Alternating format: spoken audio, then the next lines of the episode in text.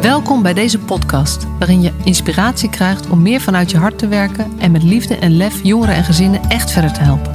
Voel je waarde, voel de passie voor je vak, voel je professional vanuit je hart.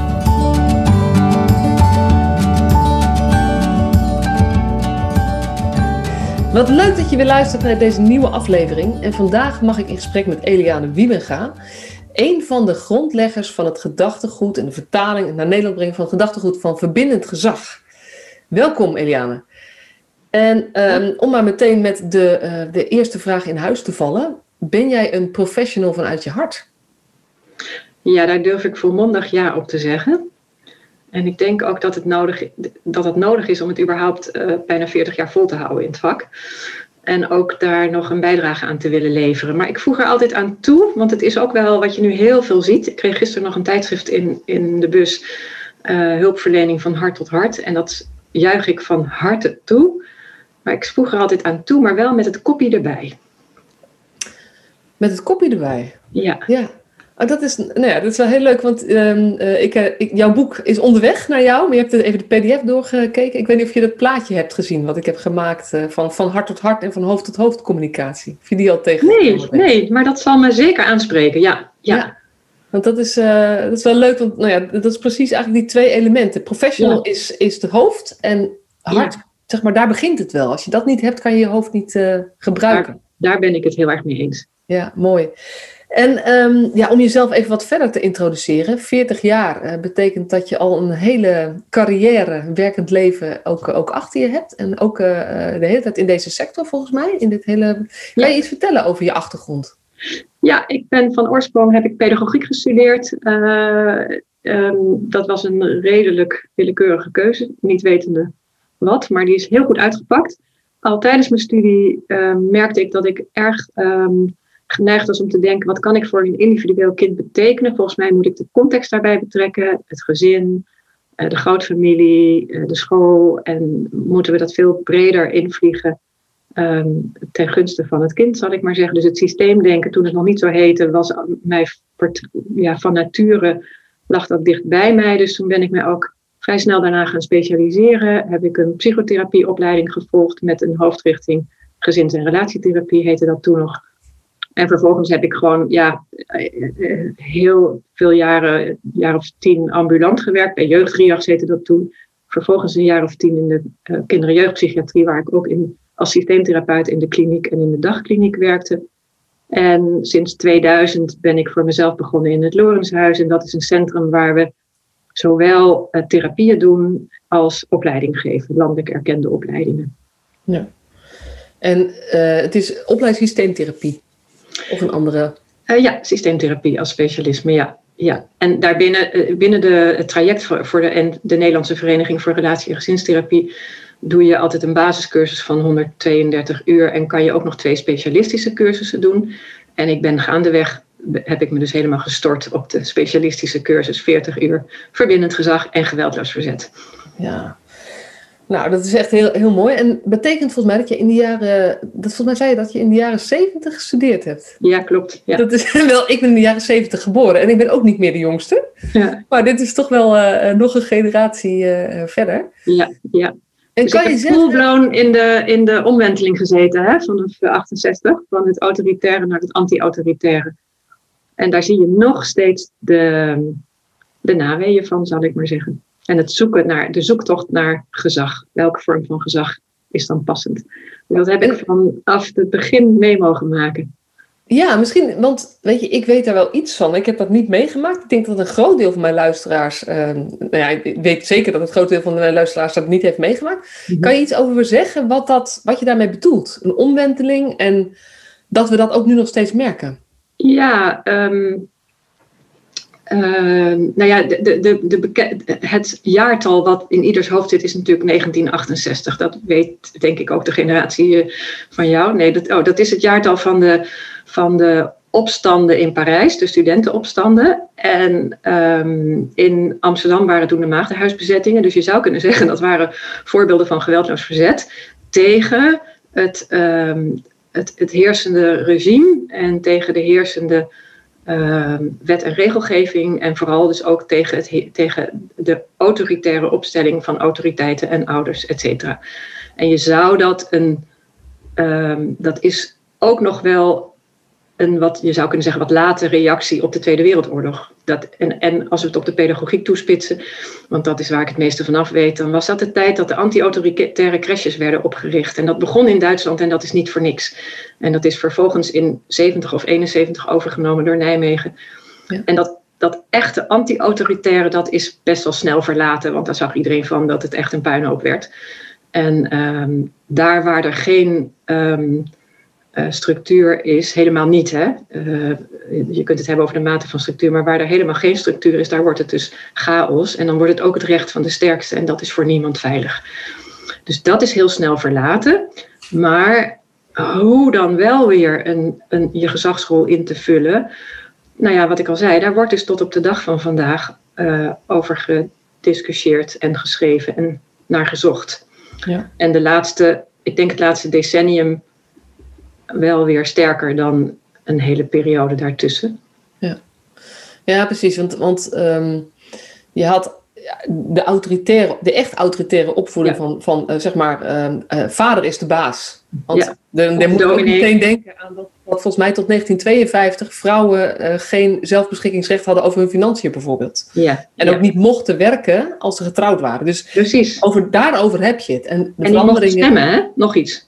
Nee, ja, ik weet niet wanneer dat was. Uh, tot, dat ik geloof tot 56, maar dat durf ik niet helemaal zeker te zeggen. Maar wel in de jaren 50 in ieder geval. Ja, ja. precies. Ja. En dat is voor ons nu niet meer voor te stellen. Dus het is een, een gigantische verandering, in, ja. ook in cultuur en in samenleving, in 50 jaar. Dat we het eventjes uh, afronden. Ja.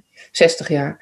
Ja. En um, ik herken wel wat je zegt, dat, dat, dat het dus ook een golfbeweging met zich meebrengt. Dat, dat, weet je, van dat hele autoritaire, daar wilden we wij, wij niet, maar onze uh, ouders uh, wilden ja. daar vanaf. Ja. Uh, maar dat slaat dan door, wat je natuurlijk wel vaker ziet, in ja. dat anti-autoritaire. Um, en het is nog steeds aan het kabbelen. en ik vind dat je dat ook heel erg terugziet in politiek met, en, of in de maatschappelijke oproepen.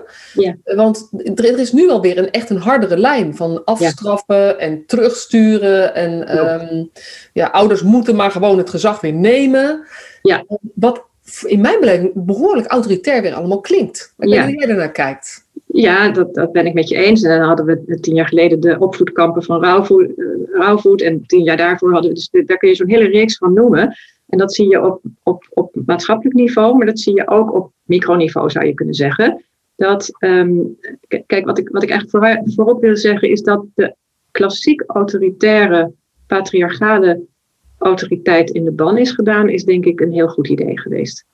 Um, dat, dat maakte mensen wel gehoorzaam, um, maar ook bang en ook weinig autonoom en um, weinig creatief en noem het allemaal maar op. Dus dat dat, dat dat in de ban is gedaan, daar sta ik volledig achter. Ik kan me echt niet voorstellen dat het ooit die kant weer op zou gaan. Maar je hoort de roep wel. Uh, maar dat is onmacht in mijn ogen dat doe je als je het echt niet meer weet. En dan, dan, dan schiet je in van, ja, dan moeten we um, de baas, weer de baas gaan zijn. Dus dat is niet omdat mensen dat willen en daarin geloven, maar omdat ze op dat moment niks anders in handen hebben. En dan zie je dus dat, dat, steeds die, dat er steeds een pendelbeweging is van heel autoritair naar heel vrij, heel vrij laten en weer van vrij laten naar autoritair. En, um, en die derde weg is dus ook niet zo makkelijk te vinden. Maar ik denk dat ik daar wel ideeën over heb. En dat is een beetje ook mijn, mijn wens om daar heel veel mensen mee te besmetten, zeg maar. Dat er een derde weg is tussen het anti-autoritaire en het autoritaire. Ja. En dat is voor mij dan verbindend gezag. Ja. Ja, want je vertelde ook, um, uh, we hebben elkaar ook al even gesproken. Je zei ook van, ik heb daar zelf mee, ik heb dat leren kennen, dat gedachtegoed, zo rond 2005, begreep ik van je? Ja, ja. Want er is een, een Israëlische uh, ja. meneer, Chaim Omer, als ik het goed uitspreek. Professor Chaim Omer, Omer of Omer, dat, op Omer, dat weet ik nooit precies nee. uh, hoe je dat uitspreekt. Ik, ik geloof eigenlijk Omer. Um, uh, ja, en die, die kwam, hij is ook al in zijn, um, zowel in zijn beroepspraktijk als op de universiteit, is hij, was hij gezinstherapeut oorspronkelijk en oplossingsgericht therapeut en werkte veel met gezinnen en ouders. En hij zag dus ook ditzelfde wat ik net beschreef. en dat was ook toen ik hem leerde kennen, dat ik dat ook zo herkende. Wat je dus ziet, is dat ouders eigenlijk ehm, eh, ontzettend graag ehm, het goede voor hun kinderen willen doen. Ehm, alle, alle geweldige ideeën van de hechtingstheorie, die je vooral ook niet overboord moet zetten. Maar die zijn zo dominant geworden dat, dat iedereen denkt van als ik maar lief genoeg voor mijn kind ben en als ik maar begrip toon en als ik maar, om het in vaktermen te zeggen, sensitief en responsief ben, dan komt het goed. En dat is dus een illusie, want dan vergeet je eigenlijk dat het, dat het groeien van een kind ehm, en het je veilig voelen uh, net zo goed, uh, dat daar net zo goed grenzen voor nodig zijn. En hoe zet je die dus neer zonder dan weer in dat autoritaire te vervallen? Dus de meeste mensen proberen dat zo lang mogelijk voor zich uit te schuiven. Dat zie, dat zie je in de supermarkt, dat zie je op school, op het schoolplein, dat zie je als je met ouders, dat hoor je als je met ouders praat. Uh, en als het dan mis begint te lopen, dan, um, uh, dan ineens komt, komt weer de, ja, de knoet om de hoek kijken, zou ik maar zeggen. Dan worden er toch weer straffen uitgedeeld en um, uh, er wordt gedreigd met dingen die niet meer mogen, of huisarrest, of je mobiel inleveren, of um, nou ja, verzin het maar. En hij was dus ook bezig met, dus, zijn, dus de missie van Geheim Omer was om te beginnen van hoe kunnen we de ouders weer versterken in hun positie, zodat ze wel weer de leiding nemen over de kinderen, in plaats van naast hun kinderen gaan zitten spelen. Wat ze ook moeten doen, omdat het leuk is, maar niet, er, ook, je moet een kind ook nee durven zeggen. Hè, jouw ja krijgt pas betekenis als, betekenis als je ook nee kan zeggen. En hoe doe je dat op een manier dat het niet ten koste van de relatie gaat en dat het niet escaleert. Dus toen hij begon, zijn eerste boek heette Parental Presence, dat hij ook zei, je moet in ieder geval ook genoeg aanwezig zijn in het leven van je kind en genoeg snappen wat er gebeurt en met wie die omgaat. En vervolgens moet je ook durven optreden als het kind grenzen over, overschrijdt. Nou, dat is als het allemaal nog niet zo uit de hand gelopen is, uh, prima te doen. Maar op het moment dat het al moeilijker wordt, en dat is met name toch ook wel in de puberteit, maar het is ook bij bepaalde temperamenten van kinderen al jonger, um, dan, dan leidt die die, dat, nemen van die leiding, dat, dat accepteert dat kind niet. En dan, voordat je het weet, zit je in een escalatiecirkel. Of dat kind is nog beter in staat om, je, om weer tegen jou in te gaan. En dan um, um, kom je dus in een hart tegen hart situatie. Dus hij had op een gegeven moment zoiets van, maar dit is, dit is niet alleen maar meer aanwezig zijn en, en tegen ouders zeggen je moet de leiding nemen. Wat ik dus dagdagelijks in de hulpverlening heel veel hoor. Dat is veel te simpel. Want ouders zijn niet voor niks uh, um, schieten ze uh, in woede of durven ze het niet te doen. Een van beide. En toen, en daar kwam, dat uh, registreerde hij al in zijn spreekkamer, zeg maar. En hij merkte ook dat er een nieuw fenomeen ontstond. En dat hadden wij precies zo in, in onze praktijk in het Lorenshuis. Dat we dachten, goh, in de jaren uh, 70, 80, zeg maar, toen ik begon te werken, was echt het moment dat de kindermishandeling uit de taboesfeer kwam. En nu zaten we, werden we geconfronteerd met een fenomeen en dat heet oudermishandeling. Er zijn meer ouders dan je zou willen geloven die mishandeld worden door hun kinderen. En dat kan uh, ook in dit geval zowel emotioneel als fysiek zijn.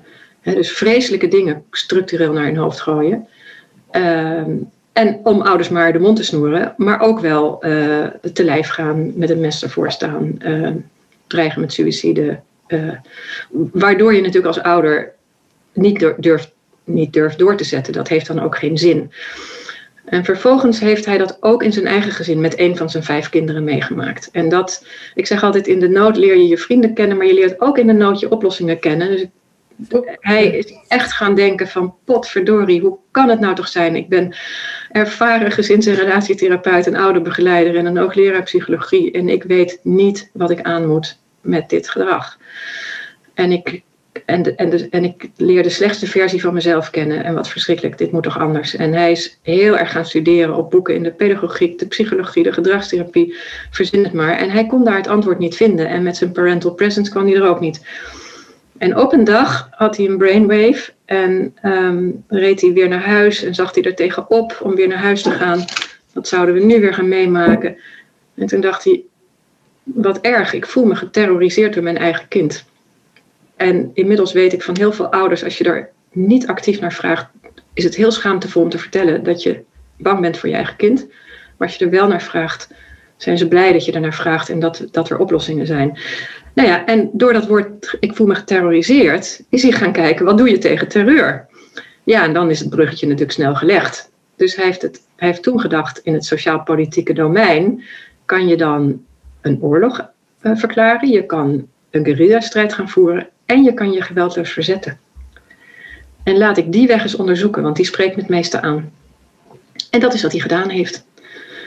En toen heeft hij dus een, um, een, een, een, een, ja, de principes en de gedachten en de pijlers van, van mensen als Gandhi en Martin Luther King. Het is veel ouder dan dat hoor, maar die hebben het groot gemaakt en die, hebben het, die zijn bekend geworden. En bovendien heeft een socioloog in Amerika vervolgens hun werkwijze helemaal bestudeerd en beschreven in, in waar het dan uh, exact over gaat. Wat maakt dat het overdraagbaar is en dat het ook vertaalbaar is naar nieuwe contexten. En dat is wat Geheim Omer gedaan heeft. En waar wij hem tot op de dag van vandaag zeer dankbaar voor zijn. Omdat hij echt iets toegevoegd heeft aan het hele fenomeen van opvoeding en ouderbegeleiding enzovoorts. Nou, daar is het mee begonnen en later is hij dat dan ook gaan uitbreiden naar andere contexten. Ja. En jij, jij, jij leerde dat, weet je, eigenlijk had je dit gedachtegoed al, maar toen kwam je dit tegen en toen herkende je dat. En toen dacht je, wow, maar dit is, dit is echt. Ja, dit geeft woorden aan wat ik eigenlijk al zie en voel en weet. En, woorden en, en, en, um, en een manier van handelen, dat vond ik ook zo fijn. Ja. Dat het voorbij de woorden gaat. Dat vond ik heel zinvol en prettig. En, um, maar het klopt, want kijk, en, en, en het gekke is, je kan mensen die er oppervlakkig kennis van nemen zeggen ook, oh, maar dat wisten we toch al. Ja, het gaat altijd over grenzen en liefde. Ja, oké dat is niks nieuws. Maar hoe doe je dat? Hoe doe je dat in het heetst van de strijd? Of hoe doe je dat al in het voortraject, zodat je de ernstigste problemen kan voorkomen? Hoe doe je dat? Hoe kan je al in plaats van vriendjes met je kinderen willen zijn en lief en begripvol en alles voor ze regelen en oplossen? Hartstikke lief, hè? Ik bedoel, heel veel ouders die in de problemen komen met hun kinderen zijn eigenlijk te goede ouders, zou je kunnen zeggen. Dus daar heb ik geen oordeel over, maar ze gebruiken maar één, één deel van het verhaal. En pas als het, als het misgaat, gaan ze die begrenzing doen en dan vergeten ze de liefde weer. Want inmiddels kan ik me ook wel voorstellen hoor, in een aantal situaties, dat je je kinderen al achter het behang kan plakken en wel een beetje meer dan dat. Of uit huis wil plaatsen. Maar dat is dan zo jammer. Als je dat vanaf bijspreken baby of minstens peuter in ieder geval, als de eerste peuterpuberteit komt, als je dan in staat bent om dat te combineren, dan kan je ook wel een hele hoop voorkomen. En, en dus die die, en ik heb, het is wel grappig dat je het zegt, dat ik dat altijd al vond, want in mijn pedagogiekstudie vond ik het heel lastig dat die hechtingstheorie en die, die kant van de liefde en begrip zo, zo super dominant was. Want ik dacht altijd, ja, dat is leuk, maar hoe, dat is toch niet de werkelijkheid of zo? Hè? Dat, dat, um, ja, dus ik was altijd aan het zoeken van, maar een kind heeft toch, is het is toch ook veilig als hij grenzen krijgt. Hè? Ze zeggen wel eens, tussen de grenzen vind ik mijn vrijheid. En, en hoe doe je dat dan? En Ehm, dus het klopt dat ik, en altijd naar dat love and limits en, en um, liefdevol leiderschap, al dat soort uh, paradoxale combinaties, sprak me altijd aan, maar ik had er de tools niet voor. En dat vind ik dus nog steeds het, het unieke van, uh, van Geheim Omer, dat hij, dat, dat hij de grond voor dat nieuwe gezag gevonden heeft in de pijlers en de principes van geweldloos verzet. En daarmee krijg je een gedachtegoed, een visie en een uh, hele concrete manier van handelen aangereikt. En die combinatie vind ik tot op de dag van vandaag eigenlijk uniek. Ja. En hoe is dat toen verder gegaan? Want nou ja, je, je, kwam, kwam hem, je kwam hem tegen of je kwam het gedachtegoed. Je bent naar hem toe gegaan, je hebt hem gehoord en je dacht, wow, dit is echt goed. Ja, nou, de, de eerst mijn collega's van het Lorenshuis, we zijn een groepspraktijk en, um, en, en ook groeps, een, een opleiding. Die hebben hem in een uh, congres in Berlijn gespot. Uh, en zijn, zijn boek Geweldloos Verzet in Gezinnen was um, in 2004 in het Engels uitgekomen. En in 2005 stond hij in Berlijn. En toen hebben we hem als, als uh, instituut, zeg maar, als Lorenshuis, hebben we hem uitgenodigd voor een studiedag. En daar hoorde ik hem voor het eerst. En ik zat in de zaal en ik kan het me nog zo herinneren. En het grappige is, nu ik met jou praat, uh, komt ook bij me boven. En dat meen ik echt, dat ik naar hem luisterde. En dat ik eerst heel erg geïntrigeerd werd. En gaandeweg dacht, maar dit is een verhaal. Er komen allemaal gezinnen in mijn hoofd. Waar ik eigenlijk nu me volledig machteloos voel. Net zo machteloos als die ouders. En, uh, en helaas wordt er dan best wel vaak tegen ouders, over ouders gesproken van ze nemen mijn adviezen niet aan of ze willen niet of ze, ze, ze kijken niet naar zichzelf. Maar dat vond, ik, dat vond ik nooit eerlijk. Dus ik zei dan wel heel eerlijk van, ik weet het gewoon echt niet. En ik dacht, nou, dit is misschien te proberen. Dus dat vond ik heel mooi. En ik merk dat, ik weet dat ik, weet nog als de dag van gisteren, dat ik de rest van de dag eigenlijk niet meer met mijn hoofd luisterde, maar met mijn hart. Wat sneller ging kloppen en het was vrijdag en ik had wel zaterdag aan het werk gewild. En ik wist eigenlijk nog niet waar het over ging. Althans, het is nog wel even wat anders om het dan in de praktijk te brengen. Maar ik had meteen zoiets van: dit is wat klopt en wat, ehm, wat net dat extra stukje in mijn bagage is wat ik nog mis. Waarmee ik niet wil zeggen, want ik ben ook altijd een. Uh, ik kan ook altijd alles weer relativeren, want dit klinkt zo, um, uh, uh, zo heilig. Um, het is natuurlijk nog steeds niet voor iedereen en altijd uh, het antwoord. Hè? Maar het was voor mij wel een toevoeging aan hoe je mensen krachtiger kan maken zonder dat het weer ten koste van de relatie gaat. En op een manier die juist escalaties tegengaat en verbinding bevordert, zeg maar. Ja, ja ik vind je, je, je toevoeging ook mooi. Um, weet je, het geloof dat alles maakbaar is, ja. daar heb ik, dat, dat, ik geloof, ik heb dat niet. Nee. Dus uh, het is een belangrijke toevoeging, hoe goed jij ook handelt, of hoe goed Ja. jij ook mensen helpt, en soms hoe goed ouders het ook doen, Ja, soms werkt het niet. En precies. soms weten we ook niet hoe het, uh, dat het niet werkt, maar dan blijven we een soort krampachtig op, op zoek naar de oplossing. Ja, ja. En wat jij heel mooi zegt, geen enkele methodiek Nee, is de oplossing nee, voor alles. nee. Maar je hebt hier iets te pakken waarvan, jij, uh, waarvan je toen voelde, uh, en inmiddels ook door je eigen ervaring, uh, nou ja, met nog meer overtuiging kunt Ja. brengen. Ja. Dit is iets wat wel een nieuw antwoord geeft en meer houvast, zeker als het ingewikkelder wordt. Ja. Ja. Waarbij je nog meer die, die twee dingen tegenover elkaar blijft voelen. Dat het toch of verbinding is, Ja. of grenzen. Ja. En hoe moeilijker het gedrag wordt, en dat, dat dat zie ik zelf ook heel veel als ik werk in jeugdzorg, uh, op jeugdzorgplekken.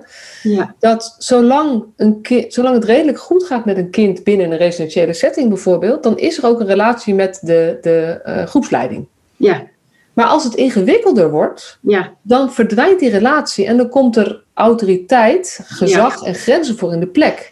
En daarmee, dat is Ja. een fuik, zeg ik vaak. Nou, en nog een stapje verder, hè? de isoleercel bijvoorbeeld. Ja, ja, en dat is natuurlijk binnen de, binnen de, uh, binnen de gewone, de open residentiële zitting bestaat die niet, maar dat eens, dat Ja. is, dat is uh, Ja, nou ja, laat ik het zo zeggen. In ieder geval is het dan, ehm, dan, dan wordt de, uh, de, de connectie verbroken. Ga jij maar even apart zitten. Ga jij maar um, je zonde overdenken. Of zelfs, um, je bent residentieel, maar dan word je wel met time-out naar huis gestuurd. Naar die ouders die juist met hun handen in het haar zitten. En dit niet aankunnen met goede reden. Want jij stuurt hem weg omdat het in de groep ook niet gaat. En dan verwachten ze dat een kind daar gaat nadenken en dan gemotiveerder terugkomt. En ik denk, droom verder. Natuurlijk niet. Hè? Uh, die, die, die, die, die, heeft op, die heeft, gaat in ieder geval gewoon even, uh, die is even verlost van die groep en van die groepsleiders en van alles wat moet. En um, uh, in, het, in het beste geval komen ze weer terug, maar is er niks veranderd. In het slechtste geval denken ze, oh, ik weet nu hoe ik eruit moet komen. Hè? Dus dat, dat is hem niet. En ondertussen zit, zitten de ouders er weer mee opgescheept, zou ik maar zeggen. Ja. En dat vind ik zo mooi van verbindend gezag. Dan, dat is ook meer het, het, het, de metagedachte, los van de methode, zeg maar, is dus ook van. Um, je, je zegt de hele tijd: uh, um, wij geven niet op, we geven jou niet op. Um, ouders kunnen, kunnen zelfs zeggen zelfs: je kan tegen je kind zeggen: je kan me niet het zwijgen opleggen, je kan me niet ontslaan. Maar het betekent ook dat ik je niet opgeef. Maar dat kan ook groepsleiding. Die kunnen ook zeggen: wat er ook gebeurt. Hè, we gaan het niet accepteren. Er is gedrag wat we nooit zullen accepteren, waar we ons zullen blijven verzetten. Maar dat doen we niet door je weg te sturen. Dat doen we door met jou te kijken hoe het anders kan. Ja, en dit raakt heel erg aan um, wat een van de redenen is dat ik zo gedreven ben om mijn verhaal, nou ja, mijn verhaal, zeg maar, wat toevallig ontstaan ja. is, maar dit naar ja. voren te brengen. Dat is ook echt door de, documentaire Alicia. Ik weet niet of je die hebt gezien. Is dat heel erg um, bij, bij, mij ook geraakt. Want uh, nou ja, die carousel, wat uiteindelijk betekent dat niemand meer echt uh, deze kinderen, aan deze kinderen bindt. En ook zegt, joh, weet je, jij bent belangrijk. Ja, ja. Ja. En misschien doe je vervelend. Weet je wat en vervelend dan? Hè? Weet je, misschien doe je dingen die wij niet kunnen accepteren. Ja. Maar wat, wat er binnen de jeugd toch nog echt gebeurt, is, is gewoon kinderen dan doorplaatsen omdat ze te moeilijk zijn. Ja, en dan kunnen ze op die andere plek kunnen ze het blijkbaar wel. En ik zeg in trainingen heel vaak, ik denk de beste plek is waar die nu is. Precies. En daar is dan versterking nodig. En dat is dan zo mooi. Dan heb je, in die zin zijn ook de principes van geweldloos verzet. Het is, dat gaat echt verder dan een methode. Dat is ook, je hebt, je, je hebt de twee poten, namelijk het geweldloze en het verzet. Dus eerst connectie, dan correctie, al dat soort dingen.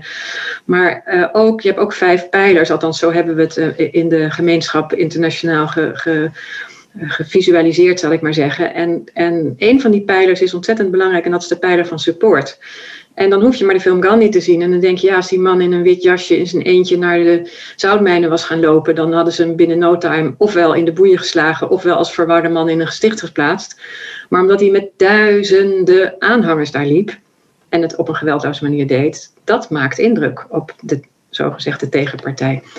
En dat betekent dat als het te zwaar is, dat er dus op een of andere manier versterking nodig is. En nou goed, dat, daar is deze podcast te kort voor om daarover uit te wijden. Maar het, de, het is steeds van, ga niet het kind wegsturen of uh, geef het op of geef het straf. Maar wat hebben jullie nodig, of je nou ouders bent of groepsleiders of leerkrachten, wat hebben jullie nodig om het vol te houden met dit kind? Ja.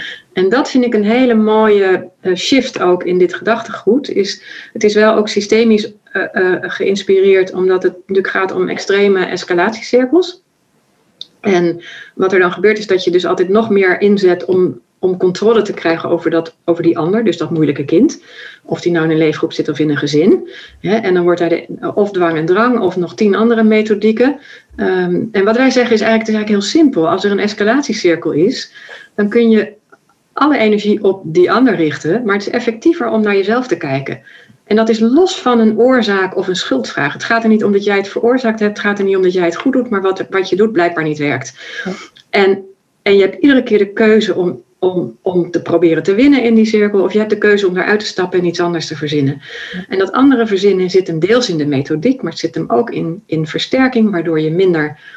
Uh, waardoor, het minder, waardoor je je ook minder. Want ook als, als opvoeder, hè, of je nou ouder of groepsleider, kan je ontzettend bedreigd voelen. Hè? Zelfs mishandeld worden, wat ik al zei. Dus je hebt gewoon meer steun nodig. Nou, dat is een van de redenen waarom ik het verbindend gezag ben gaan noemen. Je moet wel je gezagsrol durven nemen, maar doe dat niet alleen.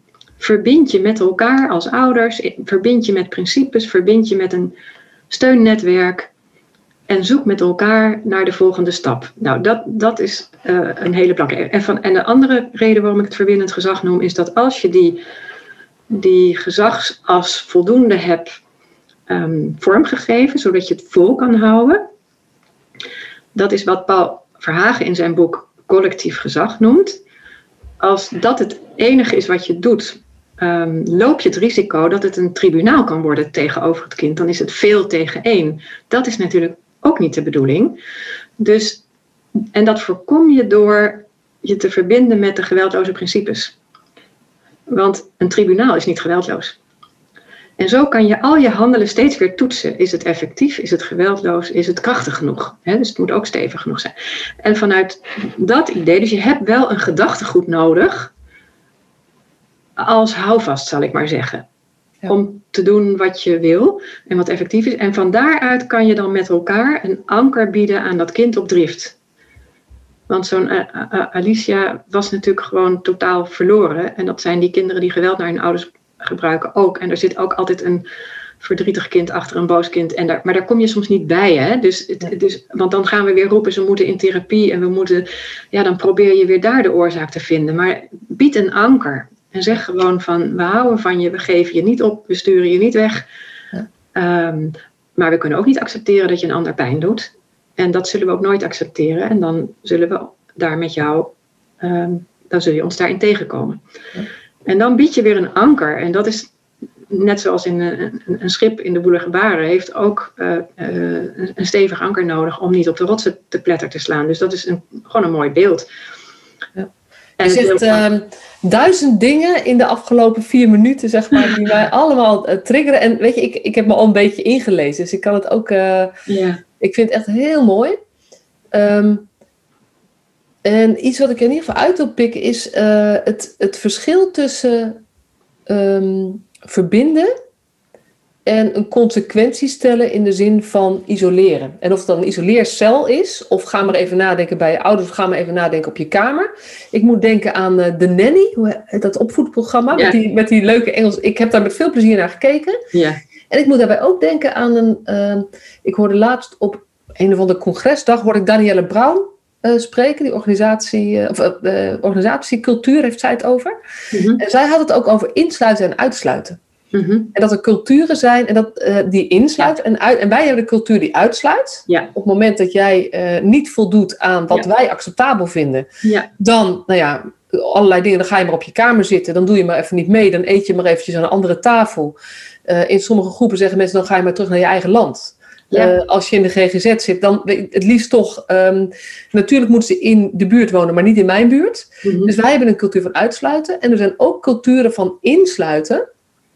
Um, en zij noemt als voorbeeld de Maasai, dat als iemand onacceptabel gedrag vertoont, ja. dat ze er omheen gaan zitten. Ja. Net zo lang totdat ja. er weer verbinding ook is. En eigenlijk vanuit de boodschap, we laten sterker, dan gaan, gaan ze de, uh, uh, zolang als nodig is uh, vertellen wat diegene allemaal goed doet. Vanuit de overtuiging dat je goed geboren bent, maar dat je dat even, dat, dat even uit beeld is geraakt. Ja. En dus wat je aandacht geeft groeit, zou ik maar zeggen. Dus dat is heel mooi, ja. Um, ja, het, ik, ik, weet daar onvoldoende van, moet ik je eerlijk zeggen. Maar. Um, uh... Maar jij bent ook iemand, weet je, ik ben een beetje op, oppervlakkig. Niet, niet oppervlakkig, maar ik denk wel, ik weet, maar het raakt wel. Ja, het raakt, absoluut. Het zijn dezelfde nee, nee, maar dat, dat vind ik dus ook, hè, van moet je nou iemand in nood, moet je, die, moet je al een kleuter in nood, hè, want die heeft zijn emoties niet in de hand op dat moment, dan is het geen slecht kind. Moet je dat kind nou op een naughty chair zetten? Daar geloof ik dus niet in.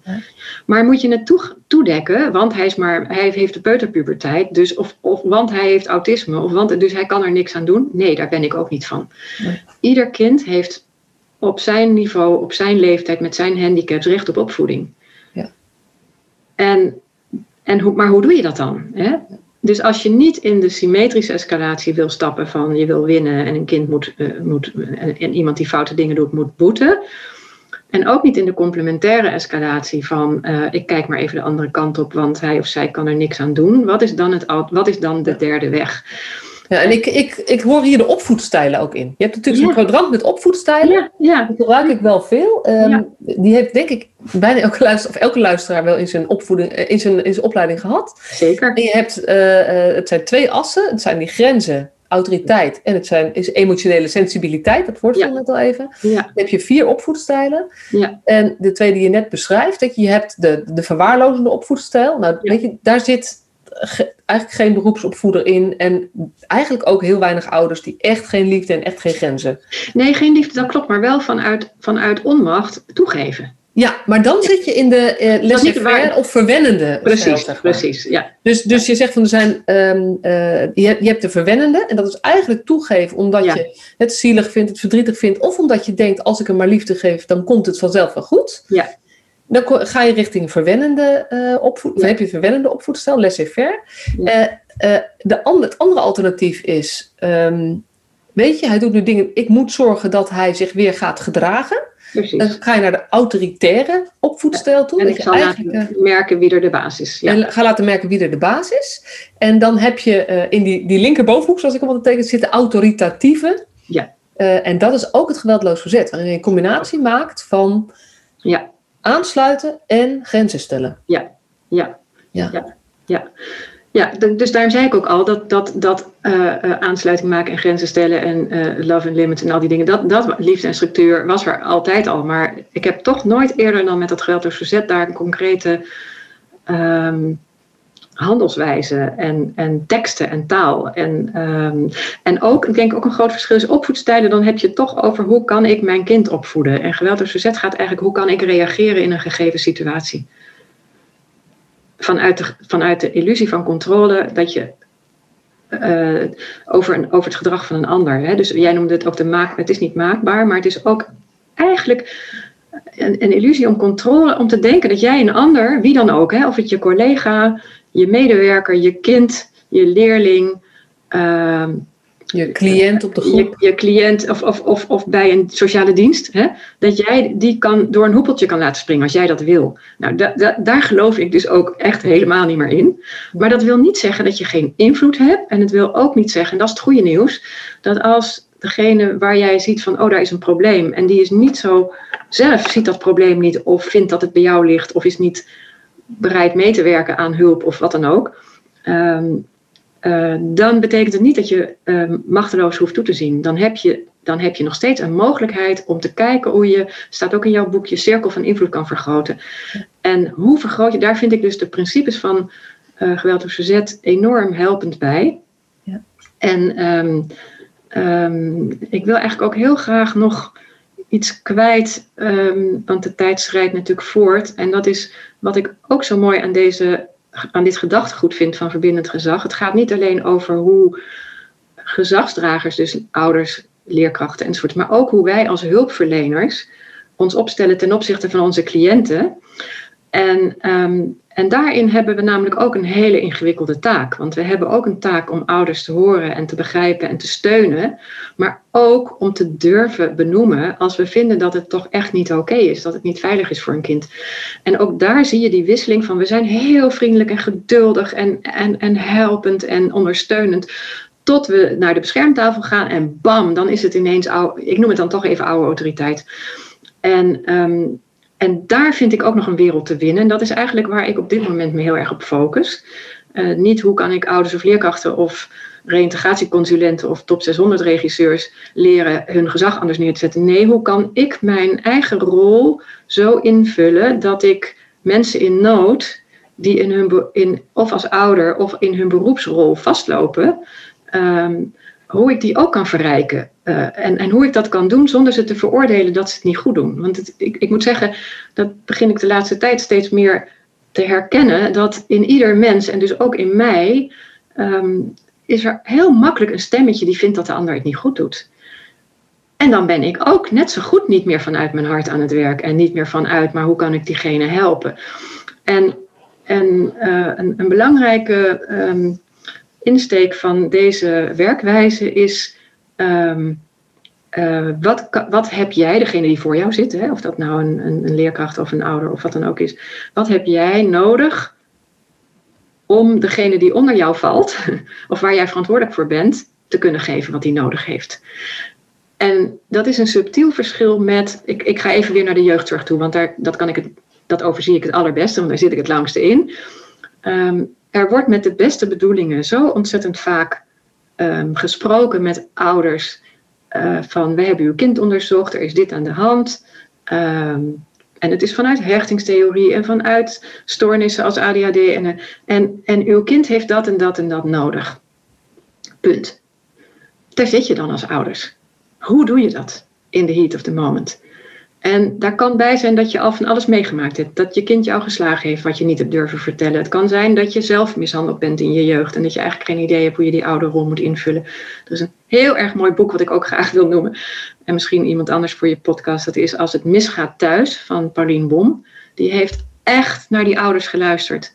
Zo indrukwekkend. En we hebben er ook een studiedag over gehad. Waar ouders dus ook, doordat zij dat zo goed gedaan heeft, hebben durven vertellen over hun ervaringen.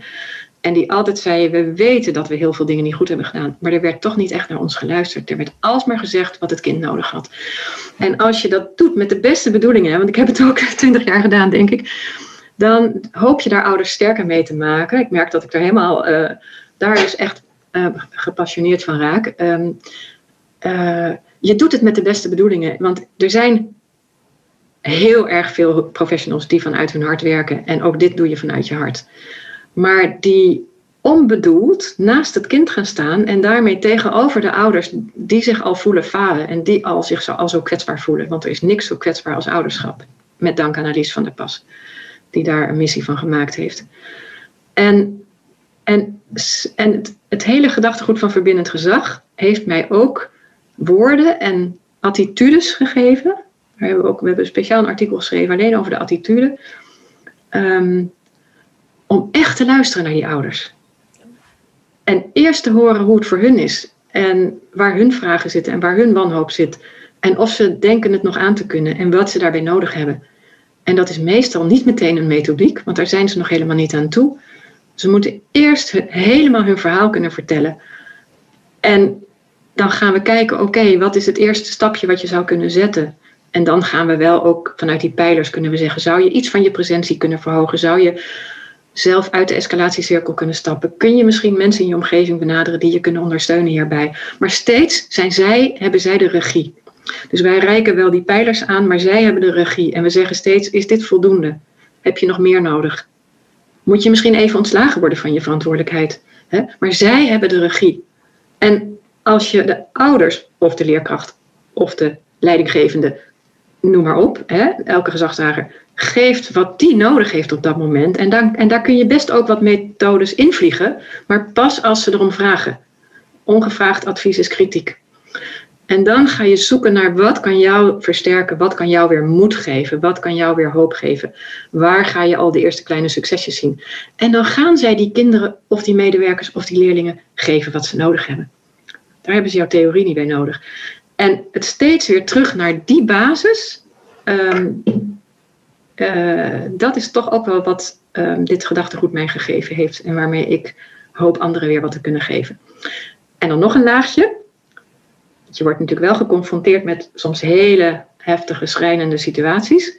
Wat heb ik dan weer nodig om dit te kunnen blijven doen? En niet toch te vervallen in streng worden en oordelen en demoniseren van ofwel cliënten ofwel andere instanties waarvan ik denk, hoe kunnen ze dit nou doen?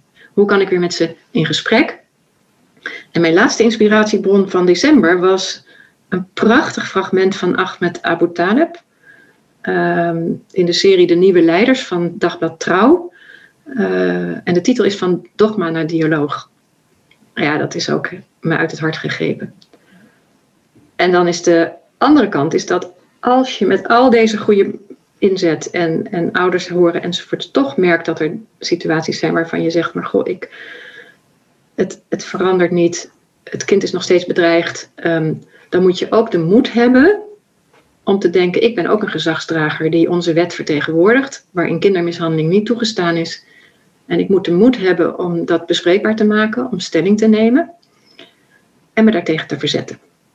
Maar niet op een beschuldigende, demoniserende manier, maar op een manier we hebben nog geen goede oplossingen met elkaar gevonden. Er is nog iets meer nodig. Nou, en wat dat meer dan is, dat, dat, dat is dan weer per situatie anders. Maar dat je ook stelling durft te nemen, um, zonder oordeel, uh, dat je niet alles door de vingers kan zien. Want dan zou je ook weer in die toegeeflijke rol komen. En dan is er weer een parallel proces aan de gang.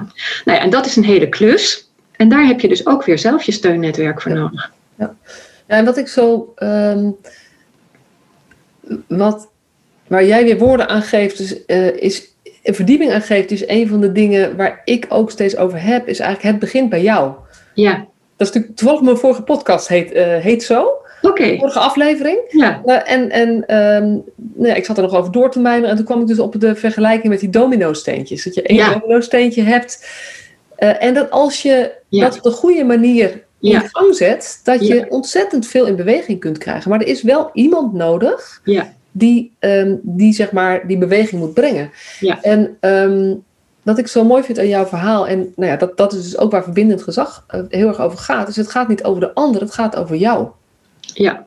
Het gaat over uh, jezelf ook kennen en ook je eigen oordelen herkennen. Ja erkennen. Ja. Weet je, en je kan ze nooit helemaal uitschakelen. Maar laten we het dan in ieder geval zoveel mogelijk uh, aan de oppervlakte krijgen. Ja. Ja. Om, om, uh, om te kijken, hoe, wat, wat heb jij nodig om, ja. ondanks dat jij misschien heel andere gedachten, hele andere mening hebt over hoe het leven eruit zou moeten zien, om Ja. toch verbinding te maken met deze ouders. Ja. Die vervolgens in een parallel proces Ja. van alles vinden van hun kind. Ja. En vooral, weet je, en, en sommige, soms is het echt grensoverschrijdend. Maar het gaat ook in het klein over hoeveel die computers. Ja. ehm, is dat op het moment dat je daar heel erg vanuit je eigen normen naar kijkt. En Ja. op die manier contact gaat maken, zit dat oordeel en het tribunaal er altijd in. Precies. Ja. En dan gaat het over wat heb, weet je, wat heb ik als hulpverlener nodig om die stap te kunnen maken. Ofwel naar die opstandige tiener bij mij op de groep. Ofwel naar ouders met wie ik te maken krijg. Wat, Ja. Welke oordelen zitten mezelf in de weg? Ja. Ehm, eh, en vervolgens kan dat weer doortikken. En Ja. wat doe ik dan met wat ik toch zie wat niet goed is? Ja. Ja. Het is wel mooi dat je zei, het is ook vooral het herkennen en het erkennen van die oordelen. Hè? Het is niet de illusie hebben dat je die nooit kan hebben, die heb je namelijk wel. En hoe, hoe spannender situaties, maar ze herkennen en er niet op reageren. En dat is eigenlijk misschien wel precies wat ik bedoel met het kopje daarbij. Op het moment dat je het herkent, heb je, even je, heb je het kopje nodig, moet je even uit de situatie stappen, even niks meer zeggen, want er komt dan niks goeds uit je mond. Althans, dat risico is er, laat ik het zo zeggen. En dan kijken van, uh, is het voldoende als ik een blokje omloop? Of heb ik nu even een gesprek met een collega of, of met, mijn, met de andere ouder nodig? Of met mijn collega uh, leerkracht? Wat, wat heb, of, heb, of moet ik even weer... Um, mijn, moet ik even mijn mantra's uh, erbij halen? Welk man, hè? Nou, ik, ik bedoel, wat helpt jou om weer te kalmeren? Daar komt het eigenlijk op neer. En om weer uh, om weer te stoppen met het oordelen en om weer de verbinding te kunnen maken, maar ook dan op een verbindende manier de correctie eventueel te kunnen maken. Ja. ja. Maar daar heb ik dan heb ik in ieder geval altijd heel erg ook het kopje bij nodig. Ja. Want vanuit je hart kan je ook heel verontwaardigd zijn. Althans, ik. ik kan heel pittig zijn. En, uh, en dan heb ik echt mezelf nodig, dit nodig om weer wat afstand te nemen. Uh, en dat noem ik dan maar, ja, het kopje erbij is natuurlijk ook gewoon reflecteren. En, ja. ja, het is eigenlijk Um, uh, waar denkt is op een andere, het, het, is een andere stukje van professionaliteit. Want we hebben ja. bij professionalisering heel vaak gaat het over nieuwe kennis en nieuwe ja. methodieken en betere handelswijzen en dat soort dingen. Ja. En dit gaat over jezelf als instrument ja, kunnen besturen. Absoluut, ja. En, ja. en daar ligt ook een, een voorwaarde eigenlijk. Als, als ik goed naar je geluisterd heb, want we moeten het zo'n beetje gaan afronden. Ja. Als ik goed naar je geluisterd heb, is, weet je, er zijn heel veel praktische tips, voorbeelden, die ook in, de, in het, want je hebt dat boek van, van Omer is, is, heb je vertaald in het Nederlands, hè? Dus dat ja. is ook gewoon... Uh, en herzien, de tweede druk echt herzien. Ja, ja dus er staat ook vol, vol met praktische voorbeelden. Maar het gaat niet om die voorbeelden met wat je doet. Niet alleen. Het gaat Nee. vooral om, Ja, heb jij die, zit jij er op de juiste manier in? En Ja. dan kun je heel veel power hebben ja, als je op een andere manier gaat handelen. ja, absoluut. Ja, ja. En dat is dan het, echt het attitu- attitudestuk. Maar dat biedt dit gedachtegoed ook zo. Dat je heel erg kan nadenken van... oké, als ik wel goede ideeën heb over opvoeding... maar ik zit er op een dwingende, veroordelende manier in... is dat totaal geen geweld en verzet bijvoorbeeld. En dat helpt je dan om dat Ja. ehm, ja, even door die zeef te laten gaan, zeggen ze. Ja. Dat, je hebt ook zo'n mooie spreuk van de Soefies, geloof ik. Van is, eh, als je iets gaat zeggen, is het vriendelijk, is het nodig, is het waar, zoiets. Nou, zo heb je ook een paar zeven van dit gedachtegoed... die mij dan helpen om weer eh, de kracht te vinden en de rust. Ja, ja ik, ik zou nog, eh, volgens mij nog een uur of drie met je door kunnen praten. Ehm, maar we gaan het wel afronden. Ehm, is er iets waarvan jij zegt, van, ja, dit wil ik echt nog graag delen, of dit zou ik mee willen geven aan de luisteraars eh, als inspiratie of ter overdenking? Of neem, als je nou één ding meeneemt uit deze podcast, neem dan dit mee. Ehm, ja, ehm, iemand uit de jaren 20 van de vorige eeuw, dus dat is 100 jaar oud, was Martin Buber. Ik gij. eh, en een van de prachtige quotes van hem verwoordt voor mij fantastisch die derde weg, waar ik nu de hele tijd voor gepleit heb. En dat is de tegenpool van dwang, is niet vrijheid, maar verbondenheid. Heel erg mooi. Met dank Dankjewel voor dit mooie gesprek. Jij bedankt voor het feit dat je mij deze gelegenheid hebt willen geven. En voor de inspirerende dialoog.